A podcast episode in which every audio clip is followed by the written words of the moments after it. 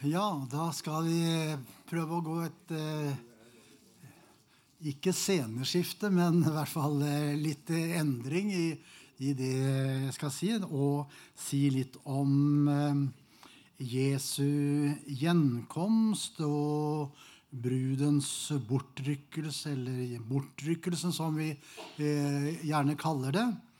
Så eh, da fortsetter vi å be sammen. Herre vår Gud og himmelske Far, vi kommer til deg i Jesu navn og takker deg for retten vi har til å komme. Og takk for at du ønsker at vi skal komme. Takk for at du ønsker at vi skal være sammen med deg og, og, og pleie vårt samfunn med deg. Du er god, og din miskunnhet den varer til evig tid, har du sagt. Og det kjenner vi at vi trenger, og derfor søker vi deg av hele vårt hjerte. Herre, gjest oss også nå, når vi skulle få lov til å tale om det som ligger deg på hjertet, og som du også har født noe i vårt hjerte om å få lov til å leve i. Herre, vi ber deg om det i ditt navn. Amen. Eh, budskapet om eh, Jesu gjenkomst nå, nå bruker jeg nok disse ordene litt om hverandre. hvis det Eh, Jesu komme, Jesu åpenbarelse. Det er litt forskjellige uttrykk som brukes. Og eh, eh, litt forskjellig kommer jeg til å, å, å, bruke det. Men jeg må få si det at det, det har alltid hatt en sentral plass i Guds folks hjerter. Du rører ved noe av det innerste og mest dyrebare i deres liv når vi taler om Jesu komme, hans gjenkomst. Da rører du ved vår kjærlighet til ham og vår hengivenhet til ham. Og eh, budskapet skal også være noe som får oss til å løfte øynene i forventning. Han kommer igjen. Han som er vår frelser, han som er vår Herre. Og Bibelen vår er gjennomtrengt av dette budskapet. Eh, jeg har ikke telt, men du kan liksom støtte det av og til på andre som har telt. Om de har telt riktig, det vet jeg ikke alltid, men det er sagt at det er 260 ganger det er omtalt Jesu gjenkomst i Det gamle testamentet. Og 318 ganger i Det nye testamentet. Og når vi vet at eh, Nytestamentet har 268 kapitler, så vet vi da at det er mer enn én gang for hvert eh, kapittel. Og de fleste eh, av eh, bøkene i Bibelen har dette med. Vi kan si det er noen små brev som ikke har det med, men allikevel er det altså noe som, eh, som er levende i Guds folks hjerter, fordi det står skrevet så mye om det i bibelboka vår. Nå er det sånn at eh, det er noen eh, profetbøker som er mer opptatt av det enn andre. Og eh, på en særskilt måte så er det jo Daniels bok og åpenbaringsboken som ofte må leses eh, sammen når, det gjelder syner. Jeg skal ikke gå inn på, på eh, disse tingene. Det er ofte kompliserte saker, og, og får komme til rette med alle synene i, i, den sammenheng. Men jeg har lyst til å bare ta et Eh, sitat fra Daniel, som står liksom sånn midt i boka, kapittel 7 og, og vers 13 der. Da han sier det slik Fremdeles så jeg i mine nattlige syner og se en som lignet en menneskesønn komme på himmelens skyer. Det er liksom Man ser dette. Han som kommer. Og eh, det er godt å få lov til å eh, si det. Og Jesus han talte veldig åpent og sterkt om sin gjenkomst. Han lot ikke sine disipler være i tvil om dette budskapet. Og han talte frimodig om det, slik at til og med ypperste prestene og Det høye råd fikk klar beskjed om at deres behandling av ham var ikke det siste som skulle skje når, dømte, når de dømte ham til døden. Han skulle komme igjen i sin herlighet på himmelens skyer og Guds herlighet skulle være med ham, og Guds engler skulle følge ham, sier han til ypperste prestene. Så dere skal vite, dere skal få med meg å gjøre igjen. Og eh, nå må vi få si det at dette budskapet om Jesu gjenkomst er jo hovedsakelig knyttet til Guds barn. Og det skal skape forventning, glede, frimodighet og trøst blant oss når vi taler om disse ting. Men vi skal ikke underslå at det også skaper frykt. Jeg tror noen av dere også har opplevd det, at budskapet om Jesu gjenkomst har skapt frykt i ditt hjerte. Og jeg må si det er en berettiget angst som eh, dette budskapet bør og skal bli møtt med. Det er for dem som ikke er rede, som ikke har sin sak i orden, som ikke Herren kjennes ved. Det bør skape en fryktelig angst slik at de søker å få sin sak i orden med Gud. Det står i Lukas 13, da Jesus sier det. Når husbonden har reist seg og stengt døren, begynner dere å stå utenfor og banke på døren og si, Herre, lukk opp for oss. Og han skal svare og si til dere, Jeg vet ikke hvor dere er fra. Da begynner dere å si, Vi åt og drakk for dine øyne, og du lærte på våre gater. Men han skal svare, Jeg sier dere, jeg vet ikke hvor dere er fra. Gå bort fra meg, alle dere som gjorde urett. Dere skal gråte og skjære tenner når dere får se Abraham og Isak og Jakob og alle profetene i Guds rike, mens dere selv er kastet utenfor. Det er alvorlige ord. Så eh, det er ord til ransakelse, til vekkelse, slik at eh, en eh, må spørre er det rett med meg. Kommer denne dagen som en tyv som tar fra meg alt, eller kommer den som han som gir alt? Og jeg får alt. Eh, jeg må jo si det at det er mange ting som eh, er knytta til Jesu gjenkomst, som er uklart for meg, og jeg tror ikke det eh, skal være klart alt sammen heller. Jeg tror det er en, en guddommelig pedagogikk i dette. At det er så mange synspunkter ute og går når det gjelder Jesu gjenkomst og, og, og, og disse tingene. Eh, slik at det hovedsaken i dette er å være rede når han kommer. Og at forventningen er levende i vårt hjerte og i vårt sinn. Det er det avgjørende. Så eh, jeg har litt vanskeligheter med Jeg skulle ønske det var riktig, men jeg, sånn, sånne ord som det jeg har lest nå, Eh, syns jeg ikke taler for at det skal være noen frelsesmulighet etter at Jesus kommer igjen. Det er en del som taler om det, bibellærere og sånt noe, som har nesten sagt en veldig eh, utleggelse av at mennesker skal bli frelst etter Jesu gjenkomst. Det tør ikke jeg si. Det gjør jeg ikke. Da døren er lukket, da er den lukket. Du har tida nå. Nådetiden er nå. Bruk den mens du har dagen. Natten kommer da ingen kan eh, komme inn. Så bare det si. Men interessen for Jesu gjenkomst den var levende hos Jesu disipler. Han talte til dem, og de spurte ham, 'Hva er tegnet på ditt komme?'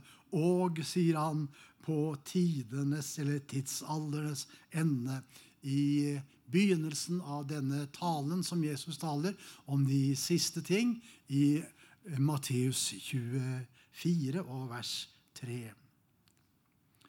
Og eh, der er det at Jesus han sier eh, til sine disipler en del sånne ting som skal skje når Jesus kommer igjen. Det står altså at han skal komme igjen i eh, kraft. Han skal komme med himmelens skyer. Han skal komme med stor herlighet. Og han skal kalle folk ifra alle himmelretninger til et møte med seg i Matteus 24, vers 30 og 31 står det om det. Og eh, dette blir gjentatt eh, gang på gang i disse endetidstallene. Som eh, jeg ikke skal ta lese alle lignende ord i denne sammenheng.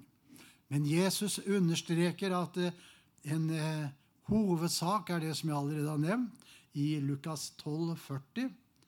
Vær da også dere rede, for menneskesønnen kommer i den time dere ikke tenker.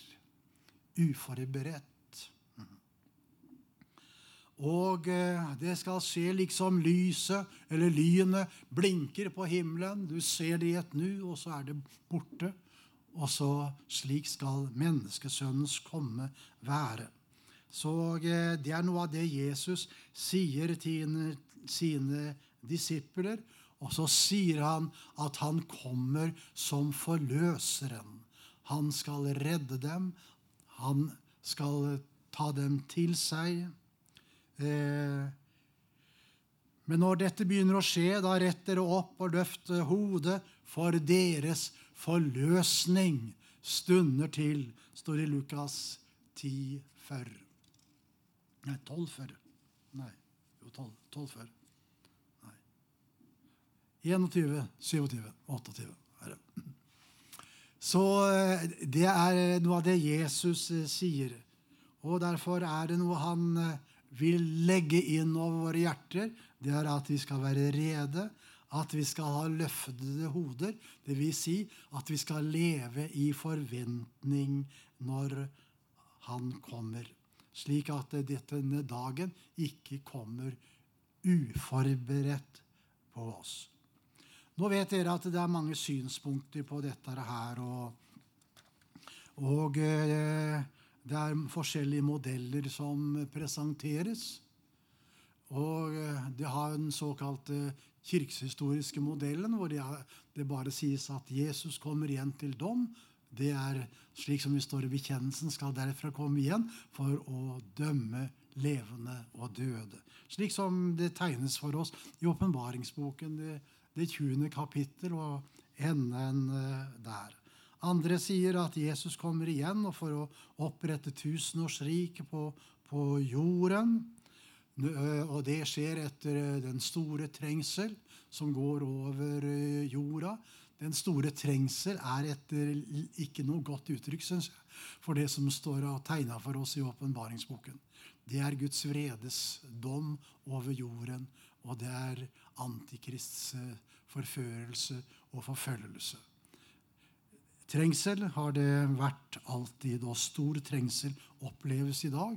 Så når vi diskuterer skal vi inn i den store trengsel eller ei, så vil jeg, hvis du gikk til eh, Iran og spurte skal vi inn i den store trengsel, så vil det være mange som ville si vi er midt i den. Mm. Og mange steder i verden så er forfølgelsen så forferdelig mot det Guds barn at uh, de kjenner det, det, slik. Så det skal vi ha i mente. Men uh, så er det noen som tenker at uh, Jesu gjenkomst skjer midt under trengselen, og noen som tenker at den skjer foran trengselen. Og så har vi mange sånne forskjellige skjemaer å gå etter. Eh, for min del så er jeg mer rolig med å tale om sektorer. Vi har ikke det hele og fulle bildet. Det er det bare Gud som har. Men vi kan si det som Guds ord sier, og så skal de stå ved siden av hverandre. Mm. Og så kan det hende at vi opplever at de sier motsatt av hverandre. Ja, det hender det. Og sånn er det med mange ting i Guds ord. Vi må si to ting som er stikk mot hverandre for å si sannheten. Vi må si at en kristen er en synder. Paulus sier at han er den største av alle syndere. Samtidig må vi si 'jeg er ren og rettferdig'. Det passer ikke Lim i hop. Nei. Og det, det, går ikke an å finne et felles eh, sted hvor disse to linjene eh, krysser hverandre. De må stå ved siden av hverandre. Det er linjer som må gå ved siden av hverandre, slik som toget går på to skinner og ikke på én skinne. Så er det sånne linjer som følges i, i Guds ord. Og så får ordet tale til vårt hjerte og berike vårt sinn og vår forståelse. Eh, mer enn at jeg plasserer alle ting riktig. Ja, eh, Det er vel litt av det som eh, jeg etter hvert har stansa mer for, enn å, få alle brikkene på den rette plassen.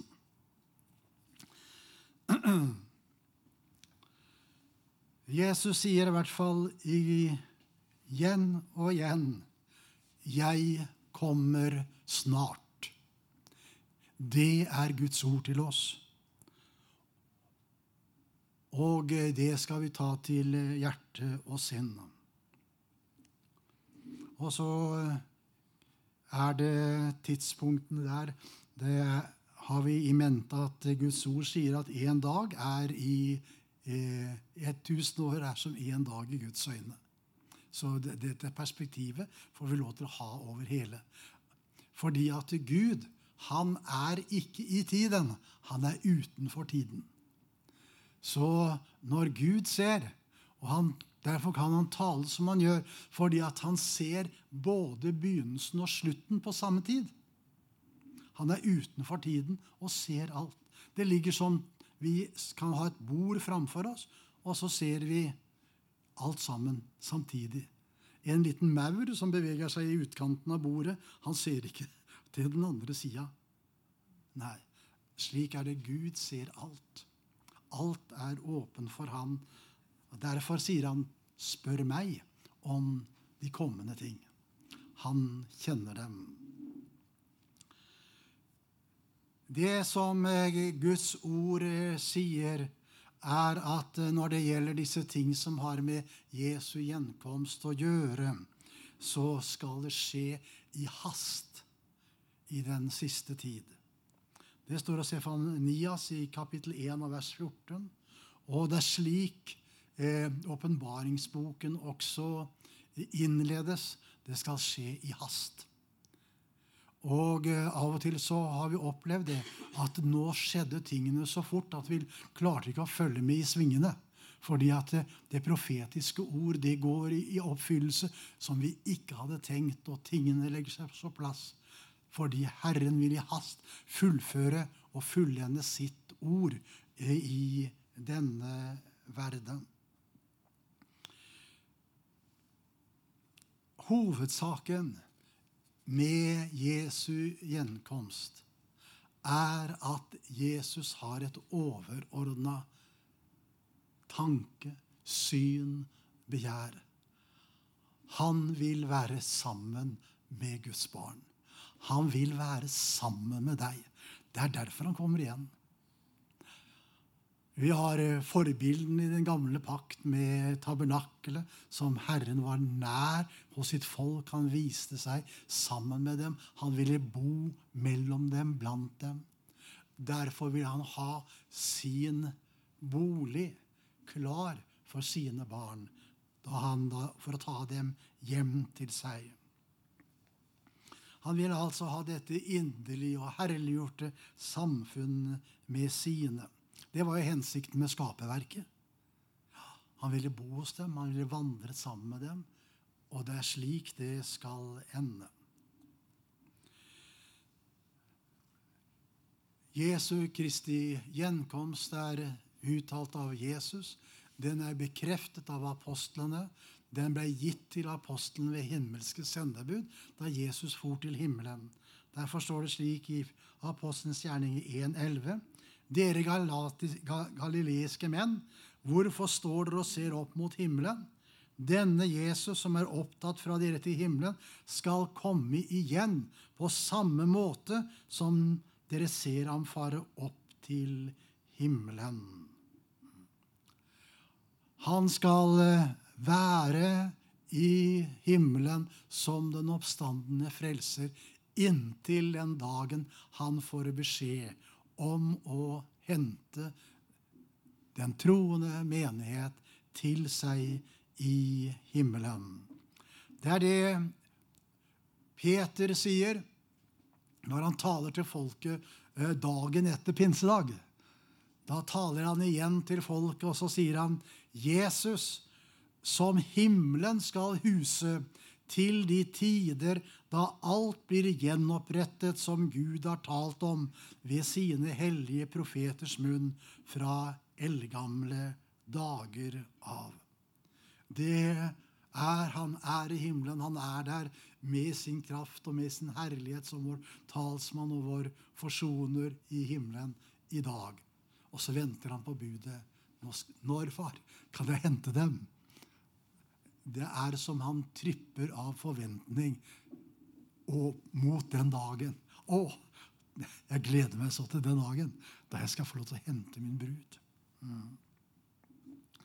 Ja, Peter han sier det sånn at det var ikke kløktig uttenkte eventyr vi fulgte da vi kunngjorde dere vår Herre Jesu Kristi makt og gjenkomst. Vi hadde vært øyenvitner til hans storhet. Det viser oss at det var levende i han. Jesus kommer tilbake. Han skal komme igjen. Det var det han la inn over hjertene.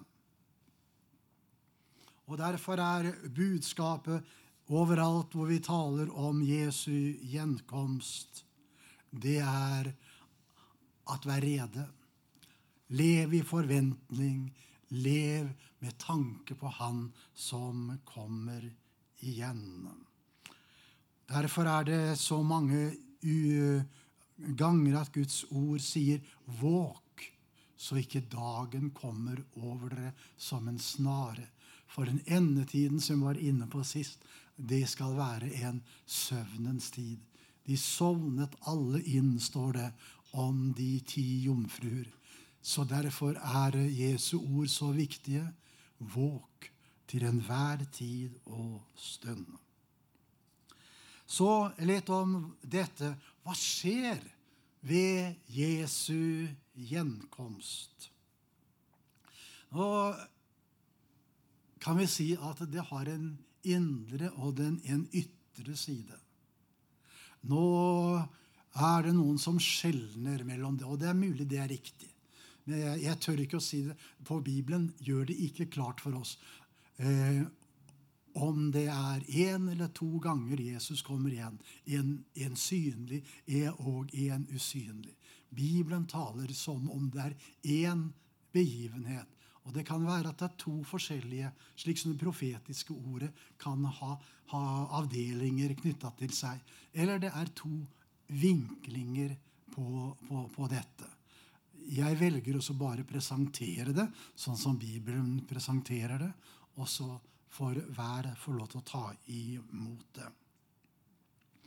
For Jesu gjenkomst betyr et skille og et oppbrudd. Jesus taler om det, at eh, døren skal bli lukket. Og han sier det slik den i, i Lukas 17, 24-36.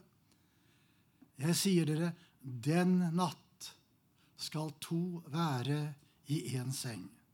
'Den ene blir tatt med, og den andre blir latt tilbake.' 'To kvinner skal male på samme kvern.' 'Den ene skal bli tatt med, men den andre blir latt tilbake.' 'To skal være ute på marken.' 'Den ene blir tatt med, og den andre blir latt tilbake. Det medfører et skille. Det går et skille i et ekteskap.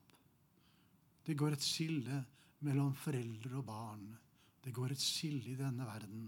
Og dette skillet blir åpenbart da Jesus Kristus kommer igjen. Det er klart ut ifra det Jesus sier. Eh, bort på Vigeland så blei det født en kar som het Abraham, som etter hvert tok navnet Thomsen. Han flytta til Amerika i tid, og derfor fikk han bytta navn fra Tredal til Thomsen, for det passa bedre i Amerika, syns han. Eh, han kom tilbake til Norge, men beholdt eh, navnet Thomsen. Og han har skrevet en hel del sanger, og han har skrevet en sang om Jesu gjenkomst. La meg bare få sitere den, eller et vers av den. Den taler liksom om dette her. Da allting på jord gikk som vanlig, kom Jesus og hentet sin brud. I hast som et nu fikk jeg skue at slekten ble delt på hans bud. Foreldre jeg så blive skilte fra barna sine på jord, og søskneflokken ble delte, det gikk som det sto i Guds ord. Da hustruen skiltes fra mannen og barna fra far og fra mor, og mange som bar kristennavnet, ble latte tilbake på jord. Sterke saker. Slik sang de mye da jeg var ung. Det synges ikke så mye nå, gjør det det? Vekkropet, alvoret som vi står i innenfor Guds ord. Jesus skal hente sine hjem dit han er. Det er en hovedsak. Da han kommer med himmelens skyer, da skal eh, de bli løftet opp, de som eh, tok imot ham. Han skal komme igjen på samme måten som dere så han fare bort. En sky tok han bort. En sky vil åpenbare ham, og vi skal møte ham da i en sky. Så Jesus eh, sier det klart og tydelig, og åpenbaringsboken skildrer det for oss på denne måten. Se, han kommer med skyene, og hvert øye skal se ham, også de som har gjennomstunget ham. Alle jordens slekter skal gråte sårt over ham. De troende skal altså møte ham i skyene. Og dette med med skyene og det å møte ham, det er en av de hovedsakene som Bibelen understreker. Det hovedavsnittet i Bibelen som taler om dette, det er 1. Tessalonikerbrev, kapittel 4, og vers 3-18. Og jeg tar, vi tar oss tid til å lese det. Men vi vil ikke, brødre, at dere skal være uvitende om dem som sovnet inn, for at dere ikke skal sørge som de andre, de som ikke har håp. For så sant vi tror at Jesus døde og oppsto, så skal Gud ved Jesus også føre de som er sovnet inn, dvs. Si de døde, sammen med ham. For dette sier vi dere med et ord av Herren, vi som lever og blir tilbake inntil Herren kommer, skal aldeles ikke komme i forveien for dem som er sovnet inn. La meg understreke hva Paulus her sier. Dette har han som et ord ifra Herren. Det har vi ikke i Det nye testamentets evangelier, men her er det sitert ifra Jesus hans undervisning. Vi har noen slike ord av Jesus som ikke står i evangeliene, men som allikevel eh, apostlene siterer som et ord av Herren. Og dette er altså et ord av Herren. Også for Herren selv skal komme ned fra himmelen med et bydende rop og med en overengels røst og med Guds basun, og de døde i Kristus skal først oppstå. Deretter skal vi som lever, som blir tilbake sammen med dem, rykkes opp i skyer, opp i luften, for å møte Herren, og vi skal alltid være sammen med Herren. Trøst av hverandre med disse ord. Når apostelen skriver slik som han gjør her, og taler og forklarer hva som skjer ved Jesu gjenkomst, så er det et problem han vil løse for menigheten til Salonika. De eh, fikk, hadde hørt om Jesu gjenkomst, at de forventer ham, og de ventet han snart. Og så opplevde de det at noen av deres troende venner, de døde. Hva med dem? De begynte å lure på hva skal skje med dem. Vi som lever, vi skal rykkes opp i skyer. Men hva med de døde? Skal de være igjen til den ytterste dag, som de, de tenkte? Da altså til dommens dag. Altså at de ikke får del i bortrykkelsen og Jesu gjenkomst. Fordi de er døde? Dette spørsmålet var det de eh, tenkte på. Men da er det altså at eh, Paulus sier når Jesus kommer igjen, da kommer det til å bli det store møtet både av levende og døde. Og faktisk er det slik at han kommer i himmelens sky. Da roper han først ut de døde av gravene som tror på Jesus, og vekker dem til live, slik at de sammen med dem som lever, rykkes opp i skyer til et møte med Herren Jesus Kristus. Så er det mange spørsmål i, i den forbindelse også, som jeg hvis det er spørsmål som tenderer det, får jeg heller svare på det nå. Da, eh, og ikke, ikke, ikke nå. Det, men eh, det fører oss da inn i dette spørsmålet som har med Jesu gjenkomst å gjøre, nemlig oppstandelsen fra de døde. Vi møter to begreper som er nokså like i Bibelen. De dødes oppstandelse og oppstandelsen fra de døde. Og dette er to forskjellige ting. Det er to forskjellige begreper. I Det gamle testamentet talte de om at de døde skal oppstå. Det sto også en kamp mellom fariseerne og saduseerne om eh, dette spørsmålet.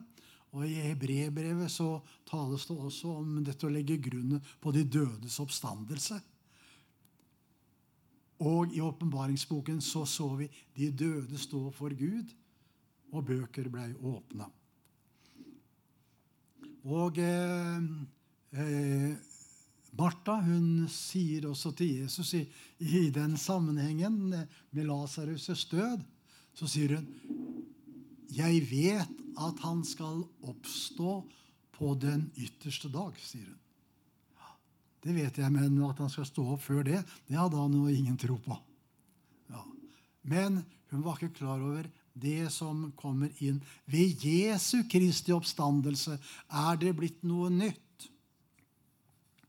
Jeg eh, Han brøt dødens lenker og bånd, Jesus Kristus, og han har blitt førstegrøden av dem som har sovnet inn. Jesus Kristus har stått opp igjen, og så er han blitt ett med oss. Og så skal vi få del i hans oppstandelse fra de døde. Så Jesus Kristus skal altså levendegjøre oss. Han er førstemann. Det er førstegrøden. Han er den førstefødte av de døde, dvs. Si som har stått opp igjen og blitt i live. Ikke oppvekkelse av de døde, men oppstandelse fra de døde. Og det skjer ved Jesu gjenkomst, da han oppreiser Guds barn ifra døden, mens de andre som er døde, fortsatt blir i gravene inntil dommen, og de skal gjøre regnskap for sitt liv. Dersom Hans ånd, står det i Rombrevet 8,11, dersom Hans ånd som reiste Jesus opp fra de døde, bor i dere, da skal Han som reiste Kristus opp fra de døde, også levendegjøres deres dødelige legemer ved sin ånd som bor i dere. Det er altså en veldig sammenheng, sterk sammenheng mellom at Jesus sto opp igjen, og det at Guds barn skal stå opp igjen. Og han som brøt dødens lenker og bånd, han er det da også som skal kalle de til live, de som tror på ham. Og døde troen på ham, for han kjenner sine og vet hvem eh, de er. Så eh, Det er jo en fantastisk ting som gjenstår da i forbindelse med Jesu gjenkomst. Da kommer en overengelsk røst, Guds basun, og de døde i Kristus skal først oppstå. Da er det han roper, og hvilket rop som trenger igjennom generasjoner og tidsaldre. Som finner ører som er blitt eh, borte i eh, jorda og blitt til intet. Som har blitt borte i havet, spist av, eh, av fugler eller fisker og som er blitt brent til intet på marterpelene i Roms eh, hager, sånn som det skjedde, og som har skjedd opp gjennom historien, som er blitt eh, fjerna fra menneskelig tanke og menneskelig forståelse. Da skal de døde i gravene høre Guds sønns røst, og så skal han kalle dem ut av gravene. Hvilket rop! Og så skal de se ham, øyne som skal se ham. Så det, det, er det som skjer ved, ved, Jesu gjenkomst, fordi han vil kalle sine til seg. Han skal alle dem som levde i troen på ham. Jesu gjenkomst, det betyr utfrielse og frelse. I den siste tid skal være mørk. Det skal være forførelse og forfølgelse. Det er en tid som er gudfiendsk. Det er en tid med mye martyrier, det er med mye ondskap, som setter sitt preg på hele eh, skaperverket, forteller Guds ord. At det til og med hele skaperverket skal ved denne tid sukke etter Guds folks forløsning i eh, Rombrevet 8,21. De skal sukke etter friheten som Guds barn skal få. Det er som om hele skaperverket eh, eh, Jeg tror ikke det er lett å utlegge dette her, altså. Men hvis en skulle liksom prøve så hvert tre og hvert foss og hver, sånn, Hvis det stiger et sukk opp fra hele skaperverket mm, Hele skapningen lenges og er i sukker etter Guds barns frihet. Fordi de ser hvordan det blir underlagt fordervelseskreftene ja visst skjer det. Vi ser det med forurensning og alt, hvordan skaperverket eh, ødelegges. Og så er det et sukk der som stiger opp etter Guds barns forløsning. Det er det som skal se da Gud fører sine inn i herligheten. Så det er som skaperverket er et tidsur også på det som skal skje angående Jesu gjenkomst. Han kommer som forløseren, og han kommer som frelseren, sier Guds ord. I Hebrebrevet 9, 28 eh, står det at han de, de tre åpenbaringene som Jesus har, både han kom første gang, hvordan han åpenbarer seg for oss i himmelen, og hvordan han skal åpenbare seg ved sin gjenkomst. Og Da kommer han ikke som et offer for synd, men, står det i Hebrebrevet 9, 28, men til frelse for dem som venter på ham. Det blir utfrielse, det blir frelse, det blir forløsning når han kommer og henter sin brud hjem. Og hva skjer videre? Jo, det skjer en forvandling, sier Guds ord. Da Jesus kommer igjen, da skjer det en forvandling av Guds barn.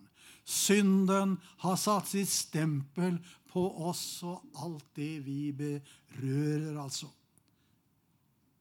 Så du og jeg, mens vi vandrer her nede, trenger vi syndenes forlatelse til og med for våre beste, mest gudfryktige gjerninger. Ja, du hørte riktig. Du trenger syndenes forlatelse for de beste og dine mest gudfryktige gjerninger, for de er besmittet av synd. Mm.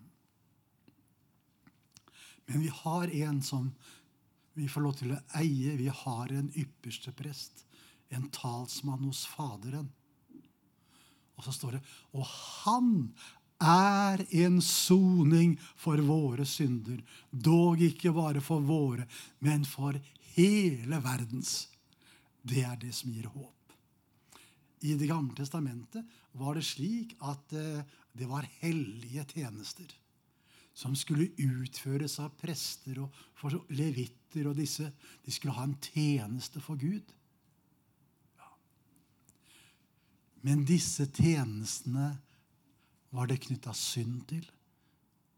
Selv om de var innviet til det, helliget til Herren, var de likevel syndige. Men så befalte Herren at ypperste presten Aron skulle ha en lue. Eller hatt, eller jeg vet ikke hvordan den så ut. Men den skulle ha en plate av gull eh, framme. Og der skulle stå 'Helliget Herren'. Og så skulle han ved den ta bort all den urenhet som var knyttet til de hellige handlinger. Ja. Vi har også en slik ypperste prest som tar bort synden fra våre gjerninger. Ja, for det vi helliger til Herren. Så vi trenger altså å bli forvandlet. Og det er denne forvandlingen som skjer ved Jesu gjenkomst. Slik at vi som er syndere, blir totalt endret, forvandlet, slik at vi passer som hånd i hanske inn i Guds herlighet, inn i Guds himmel.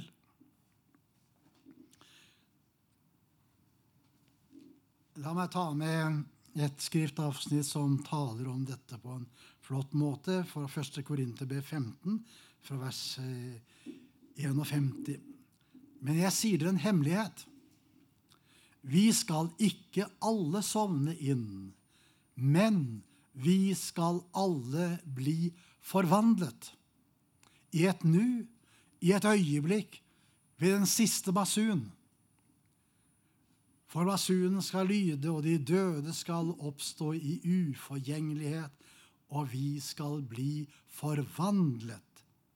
For dette forgjengelige må bli iført uforgjengelighet, og dette dødelige må bli ikledd udødelighet.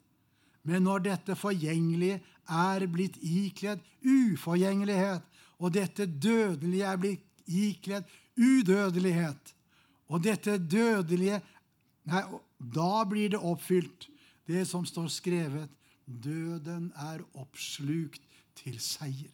Det er den store forvandlingen som skjer når vi møter ham, og blir, vi passer som hånd i hanske inn i Guds himmel.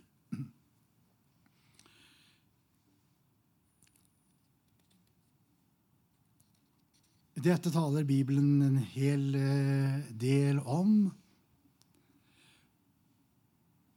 Eh, Turid og jeg vi eh, var for noen år siden i Kristianfelt.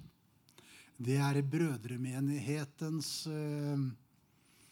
by i Danmark.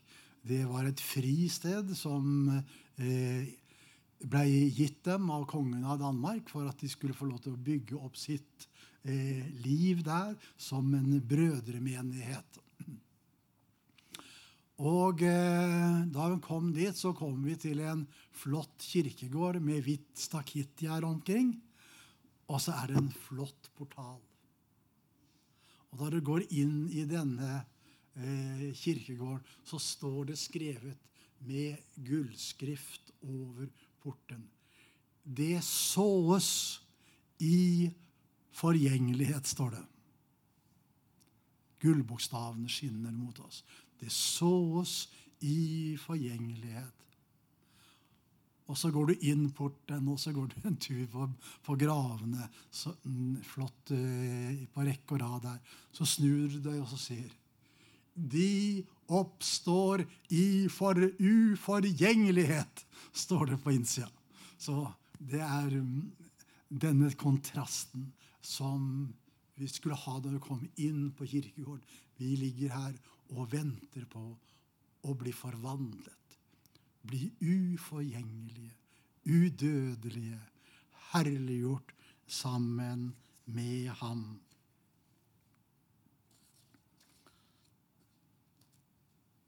Ved Jesu gjenkomst vil det da også skje at vi blir herliggjort. Herliggjort. Vi taler med takk og glede om dette å bli rettferdiggjort. Ikke sant? Det er mange av dere som er glad i ren og rettferdig himmelen verdig. Er dere ikke det? Og vi synger det med glede. Og så har vi noe som heter helliggjørelse. Der taler vi kanskje litt mer lavmælt eh, enn det. Mm. Og eh, hvis vi nå går et steg videre og sier 'herliggjort' eller 'herliggjørelse', da er det visst unntakelsesvis at vi taler om dette. Men eh, vi får lov til å eie dette som er tilregnet oss, både det er tilregnet, tilsagt oss av Jesus Kristus fordi han er den rettferdige, han er den hellige, han er den herlige, og han har tilsagt sine og har del i alle disse tingene. Men når han kommer igjen, skal vi få lov til å eie det tilegnet. Det som vi var før, var tilregnet. Da blir det vår opplevelse. Da blir det vår eiendom helt konkret i vårt liv. Vi eide det i tro, og vi fikk se det i Guds lys. Da eier det fullt og helt. Det tales nemlig om uh, dette at vi allerede er herliggjort i troen på Jesus Kristus. I uh, I, første, nei, i Romerbrevet kapittel 8 vers 29 der tales det om at han har kalt oss, at han har rettferdiggjort oss, at han har helliggjort oss, og han har herliggjort oss. Så Det er noe vi eier i Jesus Kristus. Og så tales det om at uh, den herlighet som han skal vise når han kommer igjen, og vise den i oss, da er det liksom Bilder blir eh, vanskelig å forklare. Men apostelen sier det på denne måten at den nåværende tids lidelser er for intet å regne mot den herlighet som skal åpenbares på, står det. Og dem han skrev til, nemlig romermenigheten, mange av dem ble levende fakler i keiser Neros hage. Gjennomgikk de verste lidelser. Allikevel står ordet fast at denne tids lidelser er for intet å akte mot den herlighet som skal åpenbares på oss. Det sier ikke noe om nedverdigende med lidelsen, men det viser hvilken enorm herlighet som venter Guds barn når han skal komme igjen. Da skal han vise seg underfull i sine troende og herlig i alle sine hellige, står det i 2. Tessalonikerbrev 1.10. Det er han som kommer, hva han skal gjøre for oss. Så eh, det er noe Gud har bestemt for oss like ifra evighet av. Eh, la meg ta med 1. Korinterbrev 2,7 også. Nei, som en hemmelighet taler vi Guds visdom, den skjulte, som Gud fra evighet av. Altså det vil si før vi ble skapt, før denne jorden steg fram, fra evighet av, har forutbestemt til vår herlighet. Det er oppkommet i Guds hjerte, og ikke i vårt hjerte. Ikke våre behov, men Guds behov. Han vil ha oss hjem og få del i hans herlighet. Og så taler Guds ord om at når vi får se ham, da skal vi bli ham like.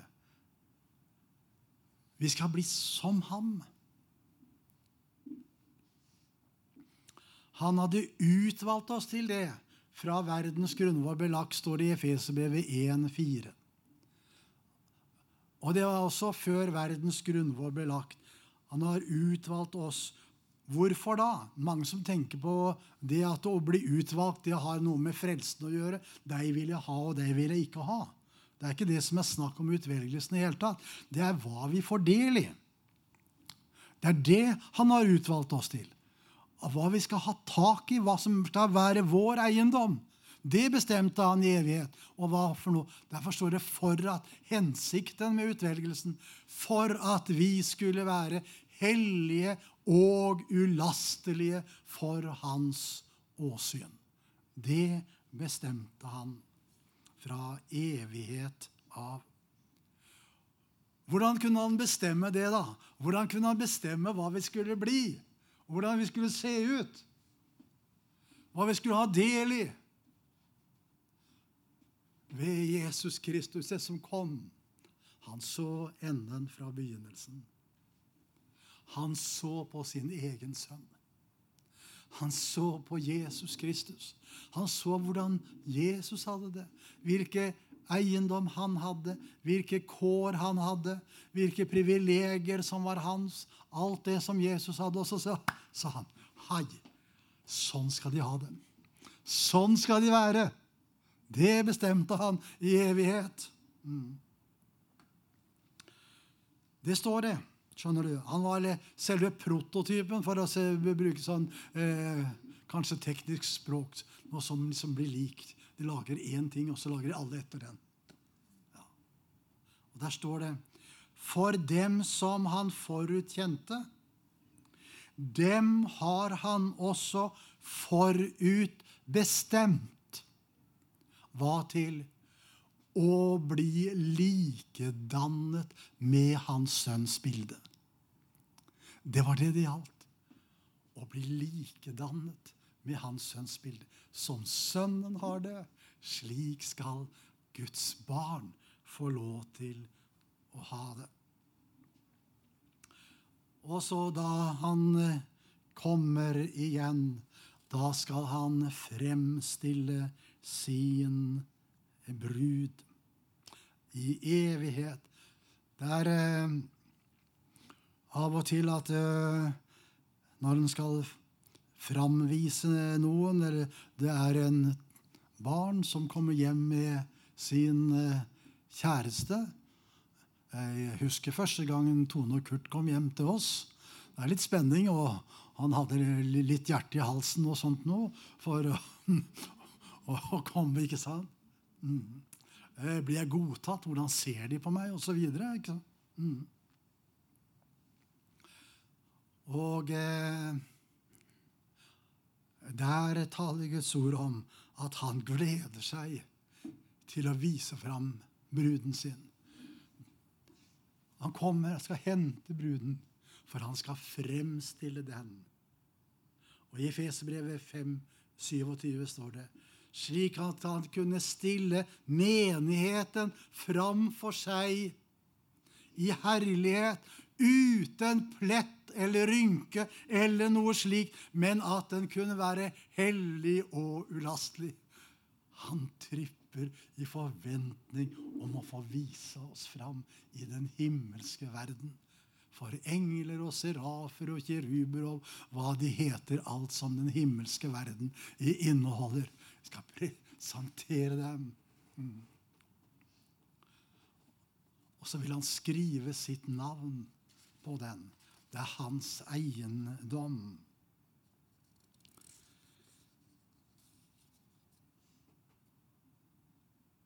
Det hendte da jeg var ung og kjæresten min var ung og, og jeg var forelska, så skrev jeg Turid inn handa mi. Mm. Jeg vet ikke om noen har gjort noe sånt. Mm. I dag står det navnet i ringen min. Mm. Bærer navnet til min kjære med meg. Og eh, det er det Jesus sier også når han henter sier, 'Jeg vil skrive på ham min Guds navn og navnet på min Guds stad, det nye Jerusalem, det som kommer ned fra himmelen fra Gud. De hører hjemme der. Vi hører til. Det er han som kommer for å hente sin brud. Og så ja. Det er så mange ting du ville ta fram. Jeg vil også si at det er en, noe forunderlig som er et stort kapittel. Det er belønningsdagen. Ja, du sier det er ingenting som kan belønnes hos meg. Nei, for alt er gjort av ham i mitt liv, så han vil krone sitt verk i oss. Allikevel så taler Skriften om det. Og den gamle Paulus sitter utslitt i fengselet i Rom. Og så skriver han et brev til sin venn og medarbeider Timoteus. Og så sier han, 'Jeg har stritt den gode strid, fullendt løpet, bevart troen.' Så ligger da rettferdighetens krans rede for meg, den som Gud, den rettferdige dommer, skal gi meg på den dag. Og ikke bare meg, men alle som har elsket Hans komme, står det. Mm. Det er en forventning. Og så tales det om livets krone, og så da er det han vil lønne sine. Og da vil han krone sitt verk i den troendes liv. Det blir til ære og velsignelse og styrke for ham. Det er som eh, som dronning Victoria sa det i England. Hun eh, Jeg skulle ønske, sa hun, at Jesus kom mens jeg levde. Mm. For da ville jeg knele for ham, og så ville jeg tatt min krone av mitt hode og så lagt den for Jesu føtter. Mm. Han skal ha all ære i evighet. Det er han verd. Amen.